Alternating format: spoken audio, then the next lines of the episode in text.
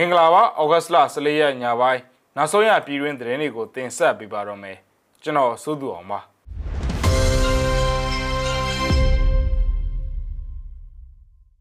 ရင်းမပေမြို့နယ်မြေဖွေးတောင်နာမှာအကြမ်းဖက်စစ်တပ်စစ်ကြောင်းမိုင်းခွဲတိုက်ခိုက်ခံရပြီး၃ယောက်သေဆုံးလို့၁၀ယောက်ဒဏ်ရာရရှိခဲ့ကြောင်းဒေသအတွင်းသတင်းရင်းမြစ်တွေကဖော်ပြပါရယ်။ကွေချောင်းရွာကိုဝင်ရောက်ရန်ကစီးနင်းခဲ့တဲ့အကြမ်းဖက်စစ်တပ်စစ်ကြောင်းကိုဩဂတ်လ14ရက်နေ့ညနေပိုင်းမှာ PDF တပ်ဖွဲ့ဝင်တွေကမိုင်းခွဲတိုက်ခိုက်ခဲ့တာဖြစ်ပါတယ်။အသေးစိတ်နောက်ဆုံးရအခြေအနေတွေကိုတော့ဆက်လက်စုံစမ်းနေတုန်းဖြစ်ပါတယ်ခင်ဗျာ။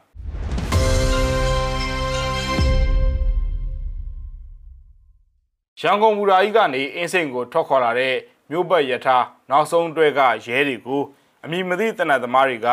ပြစ်ခတ်လို့ရဲလေးယောက်တိတ်ဆုံးကြောင်းသိရပါဗျ။ဩဂတ်စ်လ14ရက်ညနေပိုင်းမှာဖြစ်ပွားခဲ့တာဖြစ်ပြီးဒုတက်ချက်တစ်ယောက်တပ်သား3ယောက်တိတ်ဆုံးခဲ့က တက်ကြ2ယောက်ဒဏ်ရာရရှိခဲ့ပြီးတနက်လေးလက်ပါသွားကြောင်းသိရပါဗျ။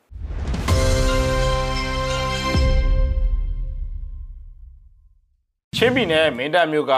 မင်းတပ်မတူပီစလေးမိုင်မှာလဲစီရီယာတပ်ဖွဲ့ဝင်တွေနဲ့စစ်ကောင်စီတပ်တွေဒီကနေ့မနက်ကတိုက်ပွဲဖြစ်လို့စစ်ကောင်စီဘက်က2ယောက်သေပြီး4ယောက်အပြင်းထန်ဒဏ်ရာရရှိခဲ့ကြောင်းသတင်းထုတ်ပြန်ပါတယ်။အဆိုပါတိုက်ပွဲမှာစီရီယာမင်းတပ်ဘက်ကထိခိုက်ကြဆုံးမှုမရှိခဲ့ပဲ တိုက်ပွဲအပြီးအကြမ်းဖက်စစ်တပ်ဘက်ကလက်နက်ကြီးတွေနဲ့ရန်တမ်းပစ်ခတ်နေတယ်လို့လည်းသိရပါတယ်ခင်ဗျ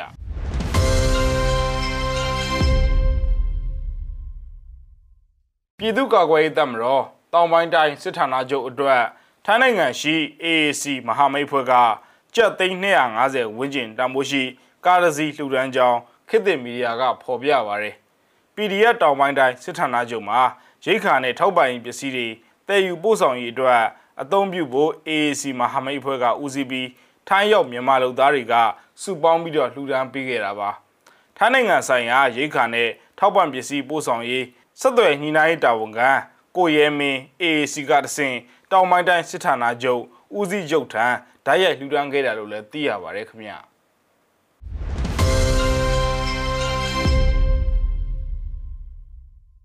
ရန်ကုန်တိုင်းဒေသကြီးမြောက်ကလာပအဝိုင်းနာမှာ ဒီကနေ့မနက်ပိုင်းကပောက်ကွဲမှုဖြစ်ခဲ့တယ်လို့ဒေသခံတွေကပြောပါတယ်။အောက်ဂတ်စ်လ14ရက်မနက်7:00နာရီလောက်ကပောက်ကွဲမှုဖြစ်ခဲ့တာဖြစ်ပြီးထိခိုက်ဒဏ်ရာရရှိမှုအခြေအနေကိုမသိရသေးပါဘူး။အထရေအုပ်ချုပ်ရေးရုံးနာမှာဖြစ်တဲ့မြောက်ကလာပအဝိုင်းနာမှာမောလဲ2နာရီကျော်တဲ့အထိစစ်ကောင်စီတပ်တွေကစစ်ဆေးမှုတွေပြုလုပ်ခဲ့ကြောင်းမျက်မြင်သက်သေကပြောပါတယ်။မြောက်ကလာပအဝိုင်းနာကဒန်ကိုစီဆိုင်မှာလဲမေလ15ရက်နေ့ညနေပိုင်းကပောက်ကွဲမှုဖြစ်ပွားခဲ့ရာ စိုင်ဝင်တဲ့2ယောက်နဲ့စီလာဖြည့်သူတယောက်ထိခိုက်ဒဏ်ရာရရှိခဲ့ပူးပါတယ်ခင်ဗျာ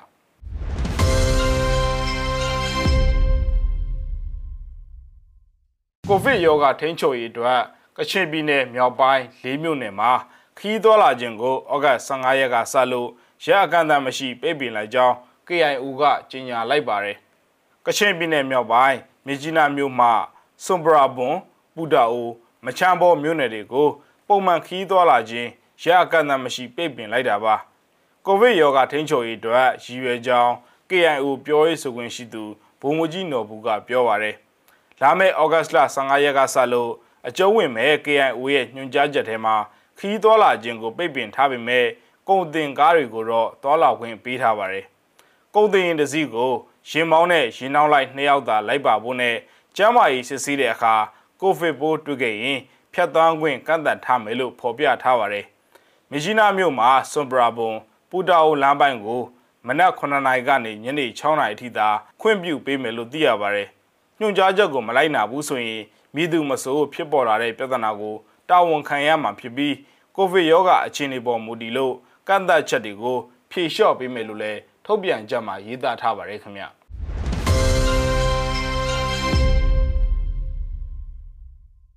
မြန်မာနိုင်ငံဟာအလုံသမားတွေဖိနှိပ်ခံရတဲ့ကမ္ဘာအဆိုးရွားဆုံးနိုင်ငံ10ခုစင်းရင်မှာပါဝင်လာကြောင်းအပြည်ပြည်ဆိုင်ရာအလုံသမားသမဂ္ဂအဖွဲ့ချုပ်ရဲ့2021ခုနှစ်ကမ္ဘာလုံးဆိုင်ရာအခွင့်အရေးညှို့ကိန်းမှာဖော်ပြပါရတယ်။ဖေဖော်ဝါရီတရက်နေ့နောက်ပိုင်းအာဏာသိမ်းစစ်ကောင်စီတပ်တွေက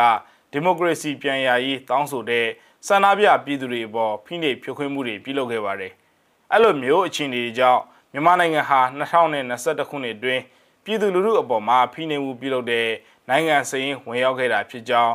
IDCU ရဲ့အစီရင်ခံစာမှာထည့်သွင်းဖော်ပြပါရယ်မြန်မာပြည်သူတွေကြုံတွေ့ရတဲ့အခြေအနေတွေနဲ့ပတ်သက်လို့ပုံမသွမြင့်လာတဲ့ရက်စမှုတွေနဲ့ကြုံတွေ့ခဲ့ရပါတယ်လို့မှတ်ချက်ပြုရေးသားခဲ့ပါတယ်။ IDUC ရဲ့အစီရင်ခံစာအရမြန်မာနိုင်ငံဟာဘင်္ဂလားဒေ့ရှ်၊ဘယ်လာရုစ်၊ဘရာဇီး၊ကိုလံဘီယာ၊အီဂျစ်၊ဖိလစ်ပင်၊တူရကီ၊ဇင်ဘာဘွေ၊ ဟင်ဒူရက်စတဲ့နိုင်ငံတွေနဲ့နေတူအလုံသမားတွေအတွက်ကမ္ဘာအဆိုးရွားဆုံးနိုင်ငံအဖြစ်ဖော်ပြခံရတာပါမြန်မာနဲ့ဘယ်လာရုစ်နိုင်ငံနှစ်နိုင်ငံဟာအခုအချိန်မှာအညွန့်ကိန်းမှာပါဝင်လာတာလည်းဖြစ်ပါတယ်ခင်ဗျ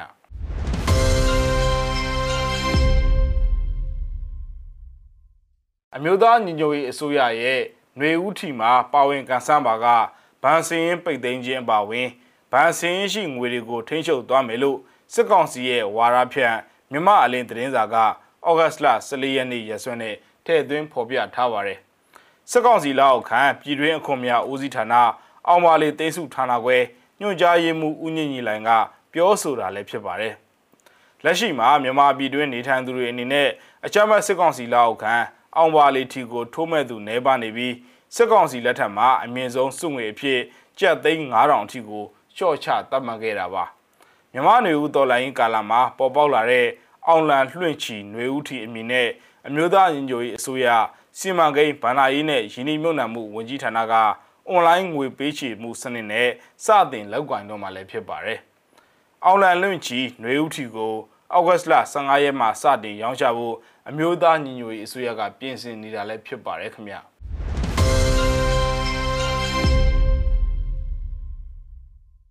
တရင်နိုင်တိုင်းဒေသကြီးတဝဲခရိုင်လုံးဆိုင်ရာတပိတ်စစ်ကြောင်းဟာဩဂတ်စ်လ14ရက်နေ့ကလောင်းလုံးမြို့နယ်မှာအာနာရှင်စန့်ကျင်ရေးဆန္ဒပြခဲ့ကြပါတယ်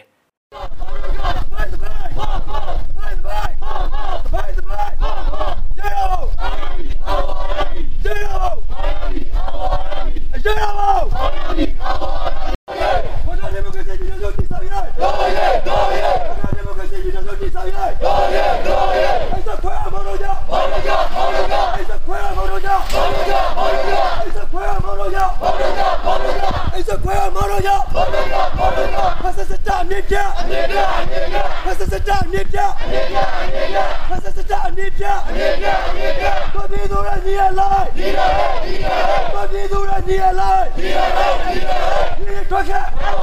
ညီရထွက်ခဲ့အဲ့တော့ခွေးရောမော်တော်ကြောင့်